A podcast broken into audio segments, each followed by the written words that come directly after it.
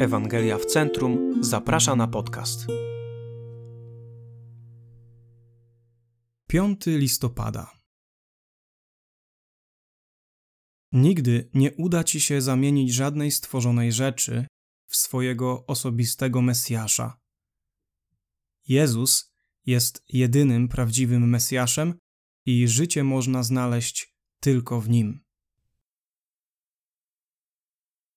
Chciałbym móc powiedzieć, że nigdy nie szukam życia tam, gdzie nie można go znaleźć. Ale taka pokusa ciągle mnie nawiedza. Choć wszyscy wiemy, że jest tylko jeden prawdziwy Bóg, ciągle polujemy na jakieś zamienniki. Nadal rozglądamy się w poziomie za tym, co znaleźć można tylko w pionowej relacji z Bogiem. Czasami prosimy stworzenie, by stało się naszym Zbawicielem. Podłączamy naszą tożsamość do szacunku ze strony innych ludzi. Za bardzo łączymy nasze dobre samopoczucie z własnym wyglądem fizycznym. Uznajemy, że materialne dobra potrafią nas uszczęśliwić. Przywiązujemy poczucie celu i znaczenie do naszych osiągnięć. Szukamy zadowolenia w pracy próbujemy oprzeć swoją tożsamość na naszych dzieciach. Przywiązujemy swoje dobre samopoczucie do idei doskonałego Kościoła. Opieramy swoją tożsamość na wykształceniu. Prosimy żonę lub męża, by nas uszczęśliwili. W jedzeniu i piciu szukamy wyciszenia i satysfakcji. Stale mówimy: Gdybym tylko miał, to moje życie byłoby.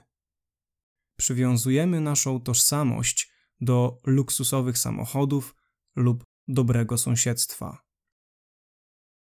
Lista jest naprawdę nieskończona.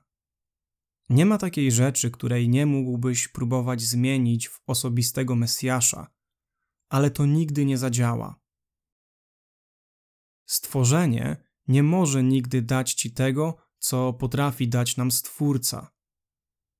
Nie ma sensu szukać tego, co już zostało ci ofiarowane w Zbawicielu.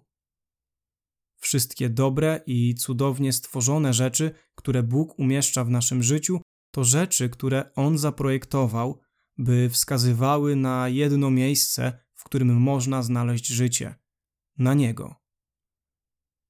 Całe stworzenie to znaki, które wskazują na to, co można w nim znaleźć. Wiemy, co to znaczy na przykładzie ruchu drogowego. Znaki nas gdzieś kierują, ale nie są nigdy celem same w sobie. Stworzenie wskazuje na Stwórcę, ale nie może nam dać tego, co On może.